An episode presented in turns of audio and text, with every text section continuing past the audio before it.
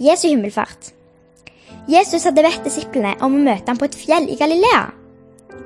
De kom dit. Jesus var der allerede. Jesus talte til disiplene. Han sa, Meg er gitt all makt i himmel og på jord. Gå derfor ut og gjør alle folkeslag til disipler. Idet dere døper dem til Faderen og Sønnens og Den hellige ånds navn, og lærer dem å holde alt det jeg har befalt dere. Og se, jeg er med dere alle dager inntil verdens ende.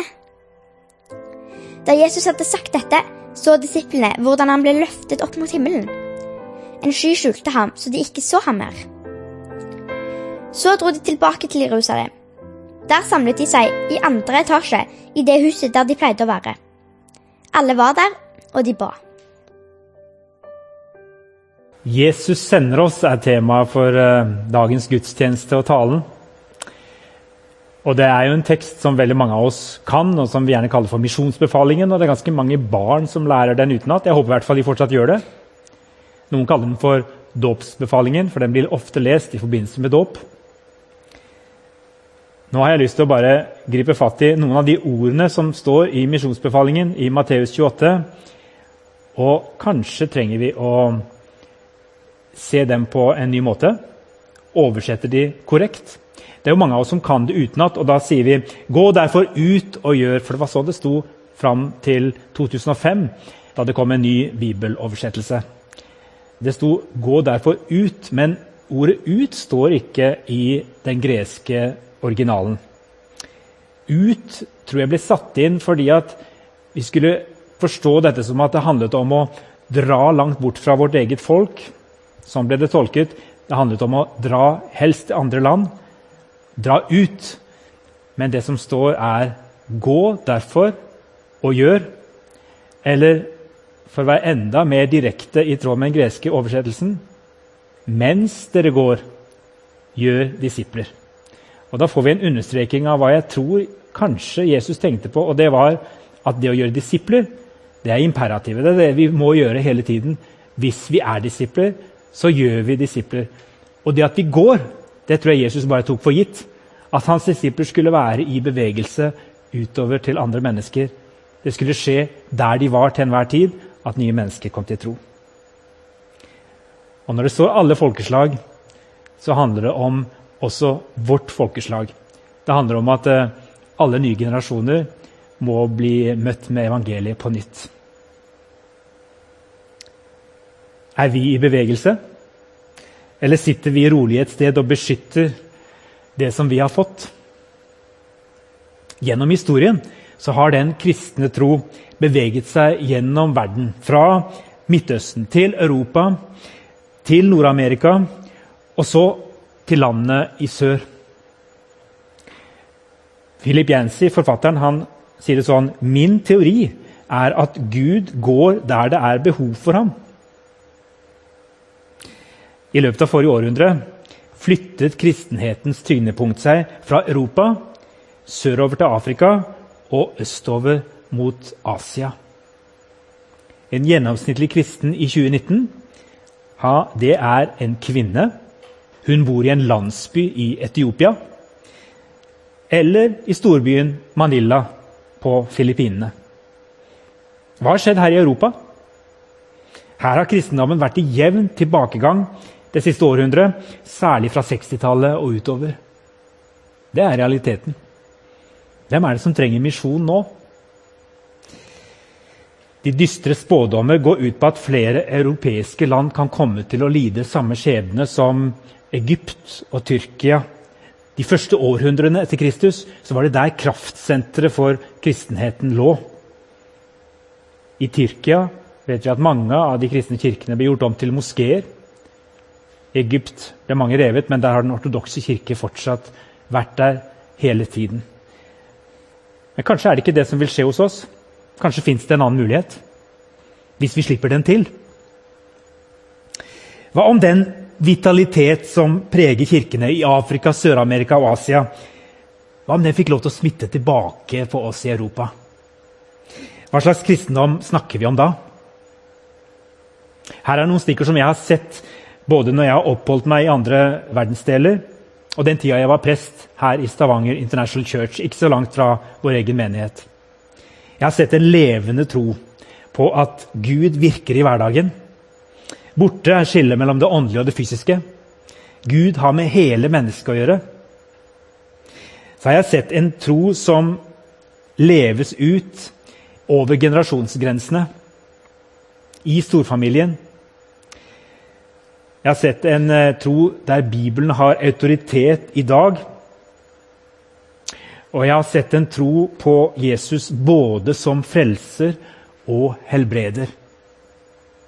Mye av dette er jo god, gammeldags kristendom. Men fortsatt så kan det likevel være provoserende for en moderne europeisk tankegang. Det er ikke sånn at jeg ikke kan finne ting å være kritisk til hos mine brødre og søstre i Afrika, Asia Sør-Amerika. Men jeg tror det er på tide at vi slutter å se på den troen de representerer, som noen sånne eksotiske fremmedelementer som vi gjerne får besøk av og til. Dere må gjerne danse litt, gjerne synge litt for oss. Men vi velger å betrakte det på avstand. Jeg syns egentlig, hvis jeg kan si det litt uhøytidelig, at bymenigheten er ganske blenda hvitt. Skal vi overleve på sikt, så tror jeg vi og mange norske menigheter trenger blodoverføring. Vi skal ikke tilføres noe nytt, men vi skal finne tilbake til noe av den åndeligheten som preget de første disiplene, og som også var en del av vår egen norske tradisjon. I mange århundrer så var det europeerne som migrerte til andre deler av verden. Vi kan snakke om misjon, men det skjedde også på mange andre måter. Gjennom arbeidsinnvandring og handel. Og så snudde det i forrige århundre den andre veien. Og nå er det arbeidsinnvandrere og flyktninger som har bidratt til å bringe et mangfold av kulturer til vårt eget kontinent. Og Mange av innvandrerne legg merke til det, de har tatt med seg sin særegne kristendomsform. Og Så har det også kommet et voksende antall andre religiøse. Og Side om side med de kristne migrantmenighetene så etableres muslimske, hinduistiske og andre religiøse fellesskap over hele Europa. Også disse er en stadig sterkere motkraft til ateisme og sekularisering. Så det er ikke bare negativt, det som kommer via de andre religionene. For kanskje vår største fiende faktisk i vår del av verden er troen på at det ikke finnes noe mer. Troen på at det bare er menneske og ikke noe over det. Men det utfordrer oss å se de andres trospraksiser. Det utfordres oss kristne å se hvordan de lever ut sin tro. Disse som representerer andre religioner. Og vi ser hvordan de lever, så spør vi oss utgjør den kristne troen en forskjell i det virkelige livet vårt. Er det egentlig noen forskjell på det å kalle seg kristen og det å være en humanist uten gudstro? For hvis det ikke er en forskjell, hva har vi da å stille opp med? Jeg blir utfordra hver dag av de som tror på en annen gud enn den gud jeg tror på, eller har en annen religion. Og jeg spør meg sjøl hvordan kan jeg hente fram igjen det som er mitt, og leve det ut. Og Her tror jeg kristne fra andre kontinenter kan hjelpe oss, for dette er de vant til. De har en hukommelse på det å leve side om side med andre religiøse grupperinger. Litt mer om migrasjon. Det har historisk sett vært den viktigste faktoren det, i misjonssammenheng, i religiøs ekspansjon. Særlig for kristentroen. Oldkirkens vekst den handlet i stor grad om folk på reise. Det var migranter, det var handelsfolk og forfulgte kristne. Og Nå ser vi noe av det samme skje igjen. Selv om mange av migrantmenighetene i Europa er knyttet til bestemte folkegrupper, så driver flere og flere et ganske ekspansivt misjonsarbeid. Her er det europeere som kan være helt uten bakgrunn fra kristen tro i oppveksten sin, som kommer i kontakt med kristne fra andre verdensdeler. Plutselig så finner du en europeisk sekulær person midt i en koreansk menighet i Frankrike, der han får møte Jesus. Eller du finner en i en afrikansk menighet i London. Dette skjer i dag. Men min drøm når jeg ser det arbeidet vi driver her i Sandnes, det er at de kristne migrantene som kommer hit, ikke bare starter sine egne fellesskap, men at de kan befolke en menighet som vår og få lov til å prege den fra innsiden. Friskt blod inn i Kristi legeme i Sandnes. Det trenger vi. Vil du være med på å be om at det får lov til å skje? så må vi samtidig ikke gå rundt og drømme om at alt skal bli lettere og lettere i framtida for oss som er kristne i Norge. At nå snur det snart, og nå skal vi oppleve at vi står i vekkelse. Det kan skje, men vi skal være forberedt på det motsatte. Men jeg tror vi trenger da å, å venne oss til hvordan det er å være en minoritet i en flertallskultur som ikke tror på en Gud som har skapt verden, og som ikke tror på Jesus som herre og frelser. Og Selv om jeg brukte Egypt som eh, på en måte et, eh, et trist eksempel på et land der kristendommen sto veldig sterkt og nå er blitt overtatt på mange måter av islam, så er de kristne i Egypt fortsatt blant mine sterkeste forbilder. For selv om de ikke er så mange, så har de beholdt røttene sine dypt nede i jorda gjennom generasjoner. Og de har overlevert troen fra generasjon til generasjon. I dag så ser vi en enhet mellom ortodokse kristne og evangeliske kristne i Egypt som er virkelig vakkert og sterkt. Kristne egyptiske barn har i århundrer også fått tatovert inn et lite koptisk kors på håndleddet. Og jeg bærer et sånt kors i halsen i dag. Og Slik viser de sin identitet. Og det kan koste.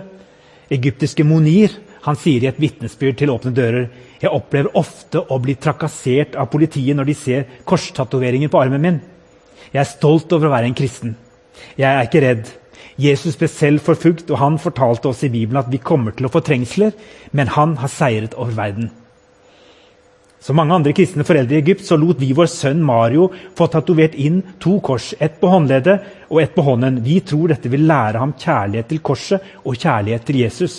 Vi håper han vil trofast følge Herren og bli en stolt bærer av korset, sier Monir. Egyptiske Hanna hun sier å ha korstatoveringer fører med seg ansvar. Korset viser at vi er kristne. Vi er ambassadører for Kristus på jorden. Så med Den hellige ånd boende i våre hjerter bør vi ikke bare vise vår tro gjennom tatoveringene våre, men også i våre gode gjerninger. Vi kan lære av våre brødre og søstre i Egypt. Og da jeg besøkte Egypt sammen med Vidar og Doris fra vår menighet for noen år siden, møtte vi broder Mikael, og han gjorde et sterkt inntrykk på oss. Og han, hans bønn som han ba for oss i Norge, den har vi bedt sammen i bymenigheten tidligere, og jeg skal be den som en del av vår felles bønn etterpå til slutt. Denne misjonsbefalingen starter med et ord som av og til kan vekke litt ulike følelser hos oss. Meg er gitt all makt i himmel og på jord, sier Jesus. Og Mange har rygget tilbake etter hvert for de ordene og sagt vi, vi kan ikke si sånn. Vi kan ikke si at Jesus har all makt, og at det er derfor vi skal gå ut i hele verden. For da virker det som om vi mennesker skal undertrykke mennesker med vår tro. For ofte så har makt blitt et negativt ord. Det er blitt noe som er blitt misbrukt. Og det skjer i våre menigheter i dag. For med en gang du er pastor, eller for den del far eller mor for barn, så har du makt, og makt kan misbrukes. Derfor er det viktig for oss å hele tiden å ha med oss og lære på nytt og på nytt hva slags makt vi har med oss når Jesus er på vårt lag. Ikke en makt som skal frata andre mennesker sin frihet til å tro og leve ut sin overbevisning, men eh, likevel en frimodighet og et mot til å stadig bevege seg videre inn i områder som kanskje oppleves som andres territorium. Og Da tar vi med oss Jesu alternative måte å utøve sin makt på. Hva var det som la grunnlaget for at han skulle bli opphøyet ved fars høyre hånd? Jo, det sier Paulus noe om, og la det være ordene som leder oss i vår måte å være menighet på og disipler på i uh, vår tid. Og ta det med deg inn i sommeren der du er. For dette er Jesus på sitt sterkeste, og det oppleves kanskje som noe svakt. Men Kristus framstår sånn i verden, og det er sånn han framstår gjennom oss. La samme sinnelag være i dere som også var i Kristus Jesus. Han var i Guds skikkelse og så det ikke som et rov å være Gud lik, men ga avkall på sitt eget, tok på seg tjenerskikkelse og ble menneskelik. Da han sto fram som menneske, fornedret han seg selv og ble lydig til døden, ja, døden på korset. Derfor har også Gud opphøyd ham til det høyeste og gitt ham navnet over alle navn i Jesu navn skal derfor hvert kne bøye seg, i himmelen, på jorden og under jorden, og hver tunge skal bekjenne at Jesus Kristus er Herre, til Gud Faders ære. Amen.